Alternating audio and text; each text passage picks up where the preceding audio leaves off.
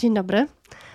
Witam Was w nowym podcaście Akcja Komunikacja. Przyznaję, że jestem strasznie zdenerwowana, ale też jestem strasznie podekscytowana, że w końcu mi się udało, bo uwierzcie mi, siedziałam już kilkanaście razy przy tym mikrofonie. Próbowałam wypuścić pierwszy odcinek podcastu, ale no, nie było łatwo, dlatego że mam poczucie, że wszystko sprzysięgało się przeciwko mnie i kiedy już udawało mi się wygospodarować e, tę godzinę czasu na nagranie pierwszego odcinka, to dzieciom przypominało się, że mają strasznie pilną sprawę, albo nad moją głową jakaś straszna wichura i, i, i straszne opady deszczu się e, wydarzały, albo nawet burza. Także tak, nie było łatwo dotrzeć do tego momentu, ale, ale jestem. Mówię do Was, bardzo się cieszę.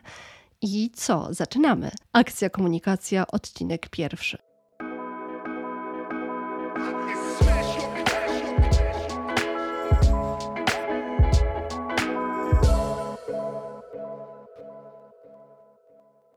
Pomyślałam sobie, że w pierwszym odcinku tego podcastu warto, żebym Wam się przedstawiła, żebym opowiedziała o sobie i dlaczego warto słuchać tego podcastu. Kiedy wyobrażałam sobie to, jak ma wyglądać ten podcast, o czym ma być, jakie ma nieść ze sobą wartości, jaki ma mieć klimat, to pomyślałam sobie, że chciałabym, żeby to była taka miła, lekka przestrzeń, może trochę zabawna, bardzo przyjacielska, Wyobrażałam sobie ten podcast jako miejsce, do którego przyjemnie wpaść wieczorem, pijąc wieczorną lampkę wina, albo do którego przyjemnie zajrzeć podczas transferu samochodowego, kiedy przemieszczacie się ze spotkania na spotkanie i chcielibyście czegoś posłuchać, a niekoniecznie macie ochotę na muzykę, albo kiedy w poniedziałek rano pijecie kawę i chcielibyście tę kawę wypić w czyimś towarzystwie, a macie przestrzeń na, na posłuchanie kogoś. Także chciałabym, żeby ten podcast to była taka audycja, którą można posłuchać w wielu różnych okolicznościach, ale żebyście mieli takie poczucie, że to jest miła, przyjacielska audycja o czymś, która wniesie pewne wartości i która może Wam przekazać, jak w takim codziennym życiu możecie sobie pomóc w komunikacji, bo jako hasło tego podcastu wymyśliłam sobie lekki podcast o tym, co dotyczy nas wszystkich, bo moi drodzy, komunikacja to jest coś, co my ludzie, co zwierzęta, rośliny robimy od zawsze. Wszyscy się komunikujemy i właściwie można by powiedzieć, po co mówić o tej komunikacji? To trochę jak mówienie o mówieniu albo podcast o podcastach, bo przyznaję, że przed przystąpieniem do nagrania pierwszego odcinka wysłuchałam dziesiątki, jak nie setki podcastów, czy to polskich, czy amerykańskich, i trafiłam na platformę Vogue'a, dlatego że Vogue ostatnio wypuścił swoją platformę podcastową, gdzie możecie naprawdę wysłuchać super wartościowych podcastów. I znajduje się tam taki podcast, który nazywa się Podcast o Podcast. I przyznaję, że kiedy zobaczyłam tytuł, no stwierdziłam o co chodzi, ale wysłuchałam go. Stwierdzam, że dziewczyny robią super robotę i, i że jest to bardzo wartościowe medium, do którego warto przysiąść. Także jeżeli macie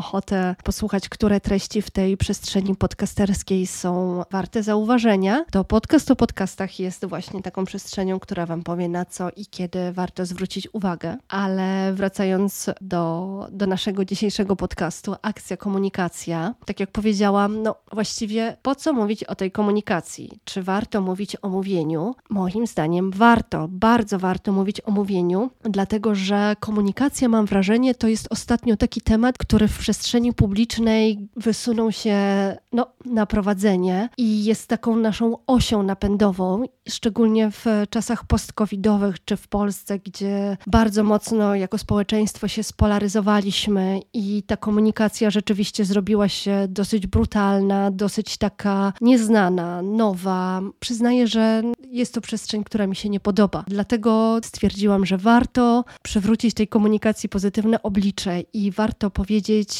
jak robić, jak rozmawiać, jak się porozumiewać, żeby żyć w zgodzie z innymi, żeby tak naprawdę żeby żyło nam się lepiej, żeby porozumiewało nam się lepiej, żebyśmy lepiej funkcjonowali i, i tak naprawdę uważam, że dzięki lepszej komunikacji jesteśmy w stanie polepszyć wiele różnych aspektów naszego życia. Bo wiecie, tak jak rozwijamy nasze kompetencje zawodowe, rozwijamy się personalnie, możemy rozwijać swoje kompetencje także w obrębie komunikacji. Część z Was zapewne chodzi na kursy językowe, robi konwersacje z języka angielskiego. Część z Was robi kursy związane z aktywnością fizyczną, pilatesu. Część z Was robi kursy z uważności, z medytacji i tak dalej. Więc tak jak rozwijamy się personalnie, rozwijamy się zawodowo, tak jak dbamy o to, żeby nasze kompetencje były coraz lepsze, coraz wyższe, tak samo uważam, warto zadbać o swoje kompetencje w komunikacji. I o tym właśnie będzie ten podcast. O tym, jak możemy polepszyć swoje życie dzięki lepszemu porozumiewaniu się.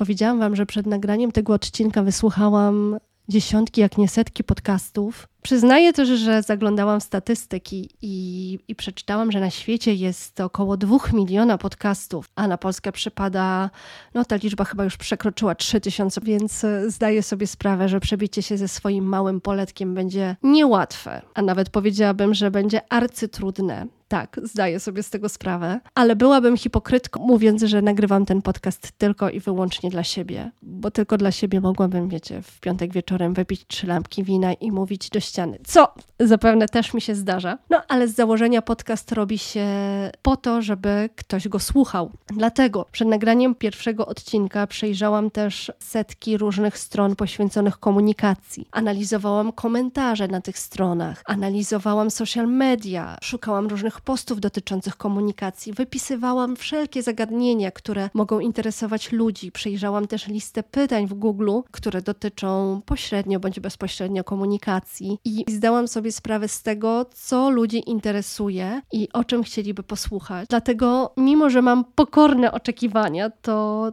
to mam nadzieję, że, że jednak spotkamy się tutaj i będziemy mogli tworzyć wspólną przestrzeń, która będzie interesująca, kreatywna i będzie obudowana wokół tematu, jakim jest komunikacja. Właściwie tak pomyślałam sobie, że w pierwszym odcinku powinnam się Wam przedstawić i, i powiedzieć o swojej także takiej osobistej motywacji i o tym, dlaczego chciałam założyć podcast, bo ci, którzy mnie znają, to zapewne wiedzą, że kończyłam dziennikarstwo i bardzo długo pracowałam w swoim zawodzie. W pewnym momencie, a tym momentem było urodzenie dzieci, postanowiłam pracować freelancersko i rozwijać się w tej dziedzinie, ale zależy mi na tym, żeby mówić. I ten podcast planowałam od pół roku, od roku i przygotowywałam się do niego bardzo długo, dlatego że mówienie to jest esencja mnie. Jeżeli wierzyć słowom mojej mamy, to zaczęłam mówić, kiedy miałam 7 miesięcy. Mówiłam od dziecka dużo, mówiłam wszędzie, dopytywałam. Wiecie, no byłam takim żywym srebrem. Było mnie wszędzie pełno, było mnie słychać. W zasadzie było mnie najpierw słychać, potem było mnie widać. I każda moja dotychczasowa praca była związana z mówieniem, potem z pisaniem. No ale pisanie i mówienie ja trochę traktuję na równi, dlatego że wszystko bierze się z głowy, więc to, czy ja coś powiem, czy coś napiszę, dla mnie, no, stawiam między tym niejako znak równości.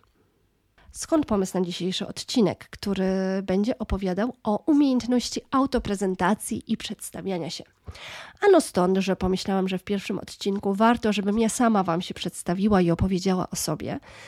I warto połączyć te dwie przestrzenie i opowiedzieć Wam, jak najlepiej i najbardziej efektywnie przedstawiać się, i przy okazji opowiedzieć Wam coś o sobie. Od razu przyszła mi na myśl taka sytuacja, która spotkała mnie na urlopie, e, z którego wróciłam w ubiegłym miesiącu. Miałam tę wspaniałą możliwość e, spędzić trochę czasu w Kalifornii. I mówię o tym tylko dlatego, że Kalifornia to jest takie miejsce, gdzie ludzie komunikują się w bardzo specyficzny sposób i ten sposób naprawdę mi odpowiada. Mianowicie ci ludzie są bardzo otwarci.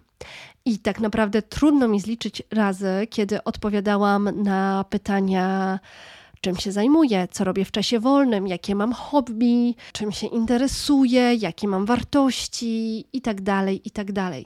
Kalifornia to jest takie miejsce, że gdziekolwiek nie pójdziesz, czy to do supermarketu, czy do jakiegoś sklepu, czy nawet jeżeli jesz kolacji. Możesz oczekiwać, że zaraz ktoś może się do ciebie przysiąść i zacząć rozmawiać na taki temat o tobie. Oczywiście jest w tym jakaś powierzchowność, ale mimo wszystko ta otwartość, ta radość z bycia z drugim człowiekiem, to żywe zainteresowanie mi samej bardzo, bardzo odpowiada.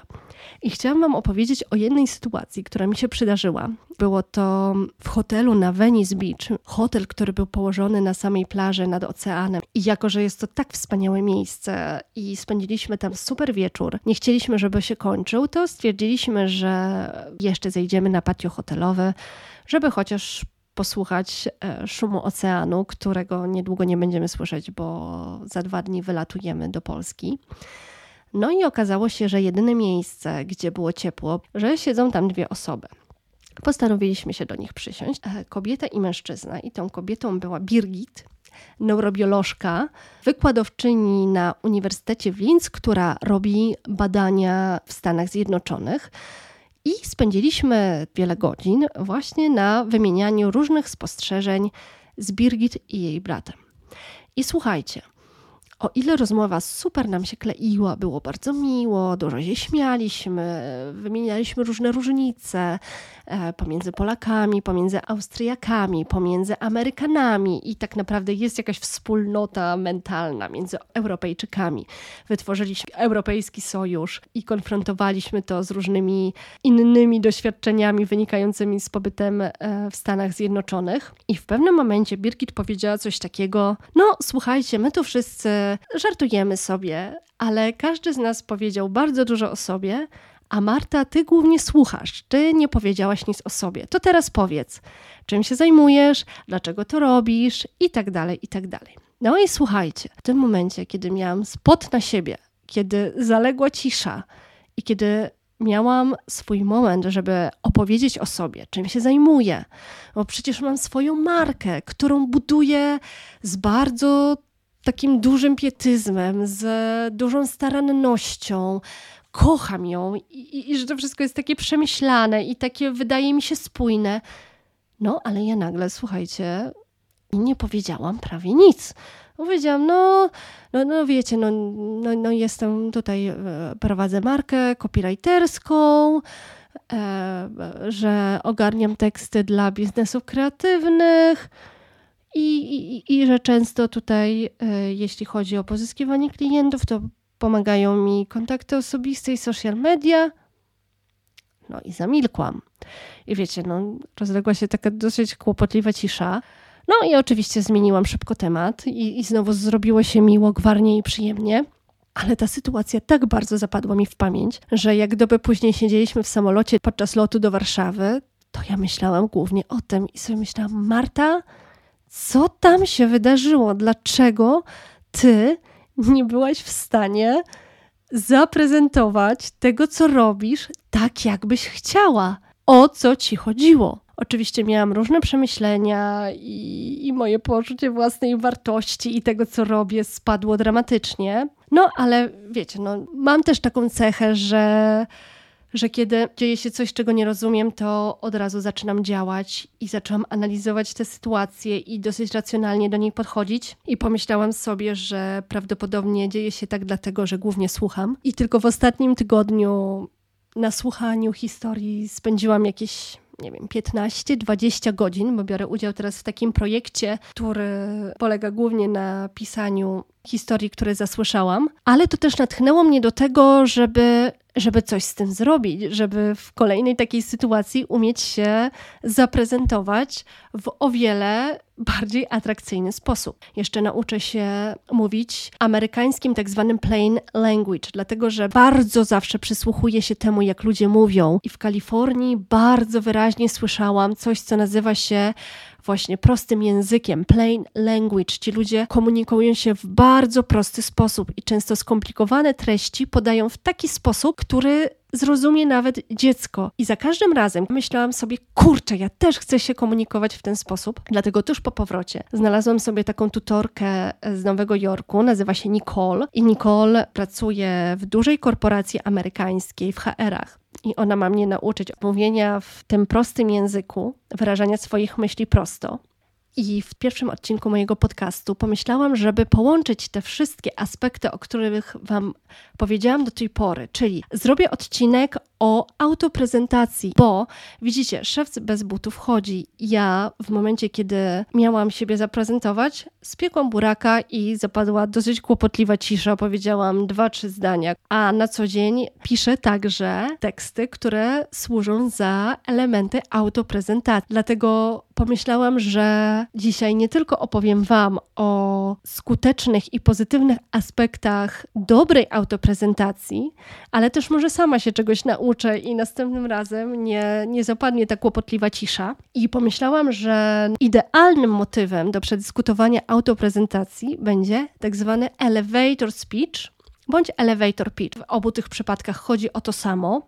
WHR-owymi pojęciami elevator pitch to nic innego jak przemowa w windzie, czyli taka kilkudziesięciosekundowa prezentacja Twojej osoby, firmy, projektu, czy też usługi, produktu. Oczywiście winda jest tu tylko i wyłącznie metaforą, dlatego że mało prawdopodobne jest, żebyś akurat w windzie musiał się autoprezentować, ale o co chodzi? Chodzi mianowicie o to, przytoczę Wam taką hipotetyczną sytuację. Zostajemy w Stanach Zjednoczonych, w Los Angeles i wyobraźmy sobie, że, że pracujemy w jednym z tych e, drapaczy chmur. Przychodzimy rano do pracy, Wchodzimy ze spani z kawą do windy, wciskamy swoje, powiedzmy, 45 piętro, drzwi się zamykają, my się obracamy i nagle widzimy, hmm, że stoi przed nami. Nie wiem, kto jest dla Was taką typową osobą, ale ja sobie zawsze wyobrażam, że mój elevator speech mówię do Oprah Winfrey albo do Davida Lettermana i ja sobie wyobrażam, że wciskam to 45 piętro i mam swoją jedyną niepowtarzalną szansę, żeby opowiedzieć o tym, czym się zajmuję, co robię i dlaczego w przyszłości możemy zrobić coś razem. Oczywiście zakładając, że ten ktoś nie wysiądzie na trzecim piętrze. No więc mamy te kilkadziesiąt sekund, kiedy możemy przedstawić siebie i liczyć na coś więcej. Dlatego, że moi drodzy, celem elevator speecha nie jest to, żeby coś sprzedać, żeby kogoś do czegoś przekonać, tylko żeby tak naprawdę otworzyć konwersację, żeby zapaść komuś w pamięć i liczyć na kolejne spotkanie, które może mam, nam przynieść inne profity. Dlatego tak naprawdę powinniśmy się skupić w tej autoprezentacji na tym, żeby przyciągnąć czyjąś uwagę, ja przyciągam uwagę Oprah Winfrey czy Davida Lettermana i utrzymać to zainteresowanie swoją osobą. Dlatego ten opis powinien być krótki, zapadający w pamięć i treściwy. Jego celem powinno być zyskanie możliwości kolejnego spotkania. I moi drodzy, jest taki pan, który nazywa się Chris O'Leary. Jak zgadniecie, jest Amerykaninem. I on prowadził badania nad najbardziej skutecznymi elevator speechami i stworzył taką zasadę, która nazywa się 9C Rule, zasada 9C, i w dziewięciu punktach tłumaczy, jakie cechy powinna mieć wzorcowa przemowa w windzie. Oczywiście uważam, że ultra nudne byłoby cytowanie teraz tych wszystkich dziewięciu punktów, więc może je teraz szybko wymienię bez opisywania, ale jeżeli poczujecie, że jesteście zainteresowani tym tematem, możecie sobie po prostu w Google wpisać Chris O'Leary Elevator Speech 9C 9C i Google wypluje Wam naprawdę szereg różnych merytorycznych artykułów, gdzie będziecie mogli zgłębić ten temat. Natomiast ja Wam tylko powiem, że taka wzorcowa elevator speech powinna być zwięzła, jasna, powinna zawierać jedynie najistotniejsze informacje, powinna być wiarygodna, treściwa, konkretna, spójna, dopasowana do odbiorcy, myśl Oprah Winfrey, David Letterman i co najważniejsze, otwierająca dialog. To, co powiedziałam wcześniej, elevator speech powinna otwierać dialog. Dlatego nie powinna kogoś znudzić. Ten ktoś nie powinien sobie pomyśleć, okej, okay, okej, okay, no dobra, żeby tylko tutaj szybko moje piętro. Tylko ważne jest to, żeby tego kogoś zainteresować. W ramach tego powinieneś opowiedzieć, kim jesteś, co robisz obecnie i jakie masz doświadczenie. Kiedy do tego odcinka przeczytałam sobie mnóstwo wzorcowych elevator speechów i tak naprawdę mój wzorcowy elevator speech powinien teraz brzmieć Cześć, nazywam się Marta Malik, jestem twórczynią pracowni copywriterskiej Nowy Kontekst. Na co dzień zajmuję się pisaniem tekstów dla biznesów kreatywnych, którym pomagam w tworzeniu swojej opowieści. No i wiecie, Może jest to krótkie, może jest to treściwe, może jest to konkretne, ale szczerze mówiąc, uważam, że nikt mnie nie zapamięta mnie z tego. I tak naprawdę może nie powinnam tutaj mówić takich rzeczy, ale uważam, że elevator speech powinno być przede wszystkim wyjątkowe. I czasem, jeżeli jest nawet niedoskonałe, nie jest wzorowe, nie ma tego kompleksu prymusa, który ja zazwyczaj mam, to ono będzie bardziej skuteczne. I tak naprawdę przypominam sobie różne sytuacje ze swojej przeszłości, kiedy miałam się przedstawić i, I robiłam to w totalnie niedoskonały sposób, a przynajmniej nie we wzorcowy sposób. I główną taką sytuacją jest, słuchajcie, kiedy ja bardzo szybko zaczęłam pracować. Na trzecim roku studiów dostałam pracę w redakcji, w serwisie internetowym, e, w redakcji filmowej. I pamiętam, że to był chyba czwarty rok studiów. E, ja już byłam mniej więcej po roku pracy, już byłam, uważałam, że jestem taka doświadczona i, i, i że dużo rzeczy wiem i dużo rzeczy potrafię. I moi przełożeni mi za, zaufali i wysłali mnie e, na taki event, on to się nazywa Press Junket. E, pojechałam na Press Junket Aniołów i Demonów. To jest takie, mm, press junkety to są takie spotkania mediów z twórcami filmu, Podczas tego spotkania dwie strony czerpią korzyści, twórcy się przedstawiają, a media mają informacje z pierwszej ręki, które potem mogą używać w opowiadaniu o tej produkcji. No i ja poleciałam e, na taki press junket do Rzymu. I nie dość, że super stresujące dla mnie była, super stresująca była dla mnie podróż, dlatego że no, ja jestem z pokolenia lat 80. I i w moich czasach podróżowanie samolotem nie było takie oczywiste, więc już samo to, że lecę samolotem na jakiś press junket, gdzie mam spotkać Bóg wie jakie nazwiska, no to było dla mnie wydarzenie. I pamiętam, że leciałam z Gdańska do Warszawy, z Warszawy do Kopenhagi, z Kopenhagi do Genewy, natomiast potem jeszcze transportowaliśmy się do Rzymu. Już sama podróż była dla mnie wielkim wyzwaniem, a co dopiero to, żeby spotkać się e, z wielkimi nazwiskami ze świata filmu. No i pamiętam, kiedy już znalazłam się w Rzymie, e, mieliśmy konferencję z Tomem Hanksem, w ogóle z twórcami e, drugiej części Aniołów i Demonów. I to było tak, że my, twórcy internetowi, byliśmy absolutnie na samym koniuszku. Byliśmy najmniej ważni, dlatego że no, to było czwarty rok studiów moich, to było jakieś 15-17 lat temu chyba dobrze liczę, nie jestem zbyt dobra w liczeniu, ale dziennikarstwo internetowe y, nie miało zbyt y, dobrej prasy, szczególnie wśród twórców. I wtedy królami, absolutnymi królami byli dziennikarze BBC i NBC i, i, różnych brytyjskich, amerykańskich stacji. I ja pamiętam, że kiedy zobaczyłam tych dziennikarzy, którzy nie dość, że byli tacy wokół nich się w ogóle taka aura rozciągała.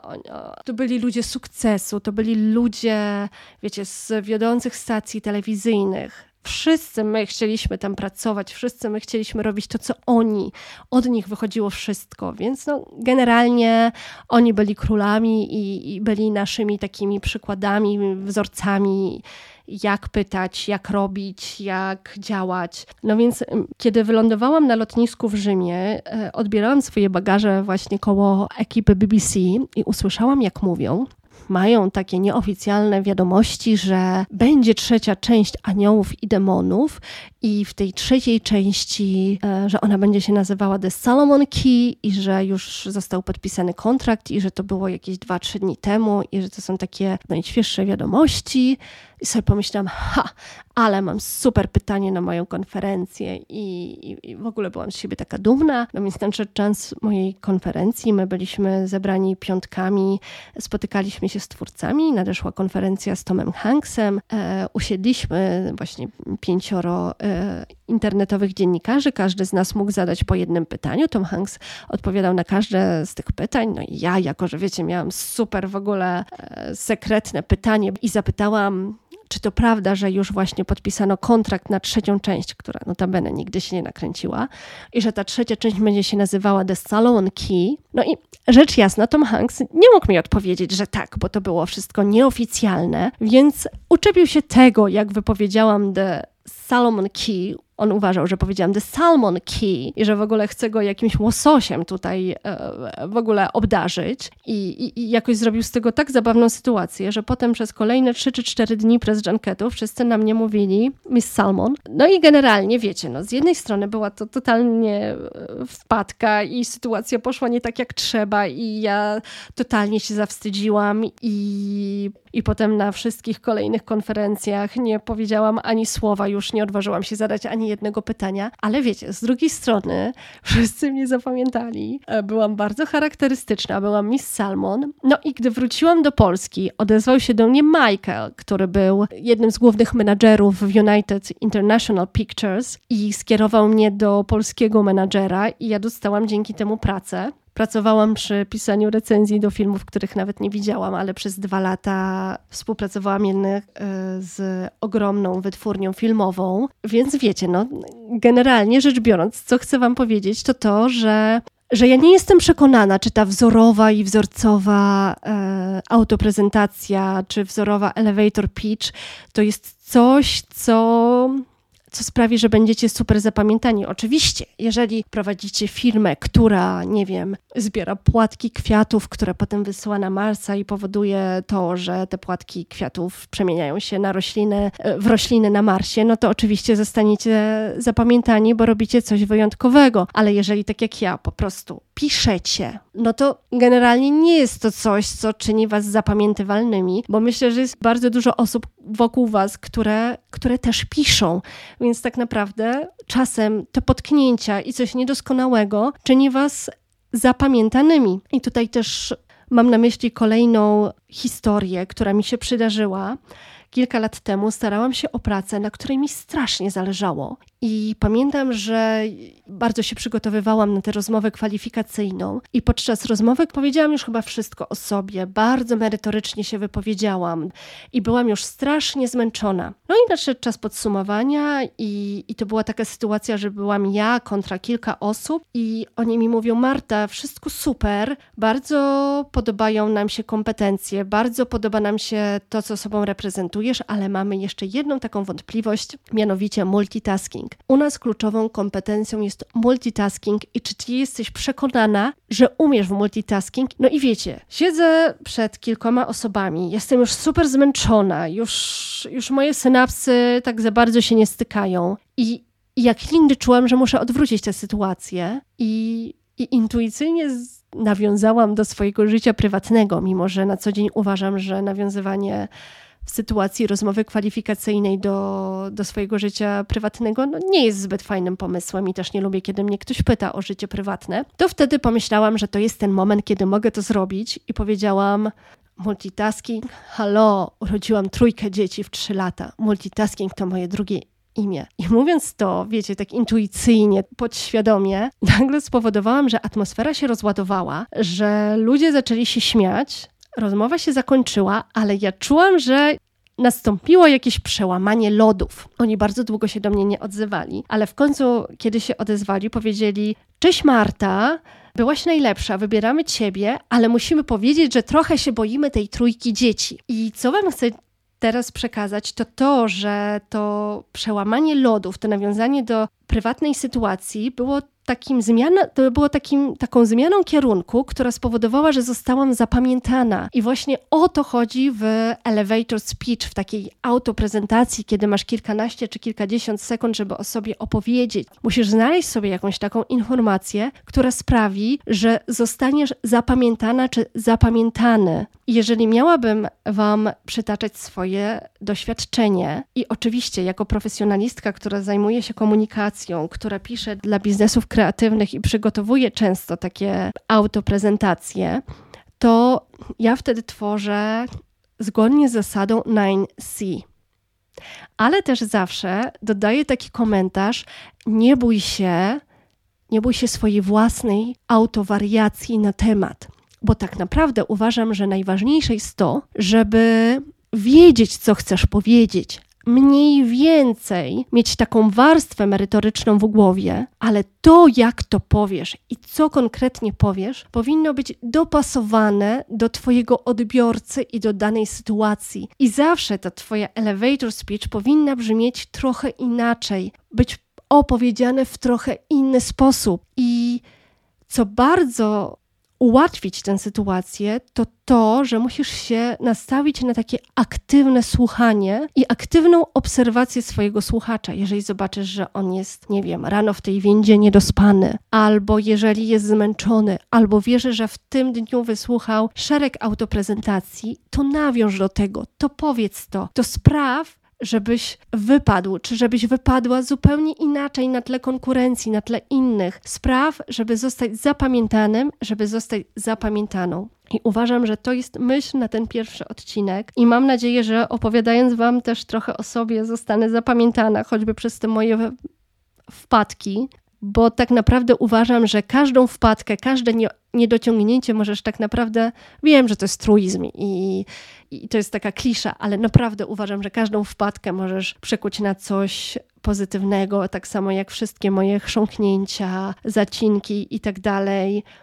Ja je dzisiaj wszystkie akceptuję, bo wiem, że drugi, trzeci i czwarty odcinek, a mam ich w planie na razie dziesięć, one będą coraz lepsze. I, i też wiem, że, że to mi nie zaszkodzi, a może mi pomóc. Jeszcze na sam koniec z takich informacji technicznych mogę Ci tylko powiedzieć, że prezentacja w windzie Elevator Speech nie powinna być dłuższa niż 200 słów.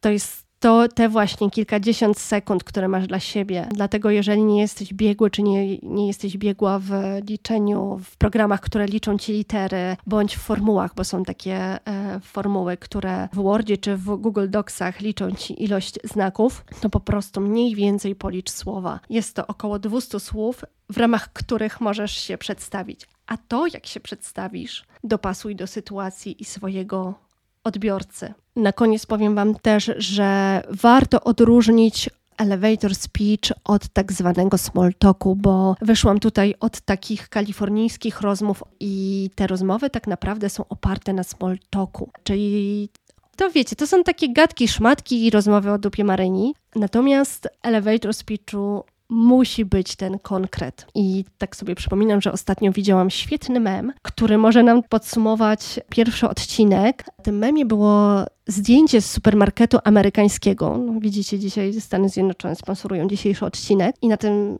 zdjęciu był tak, taki nagłówek Tell me something about yourself. A zdjęcie pokazywało pomarańcze, leżące na takim stoisku z owocami i te pomarańcze były już, no, brzydkie, nie pierwszej świeżości. I zamiast być po prostu przecenione i podpisane, nie wiem, orange, oranges, były podpisane not the best, but still good.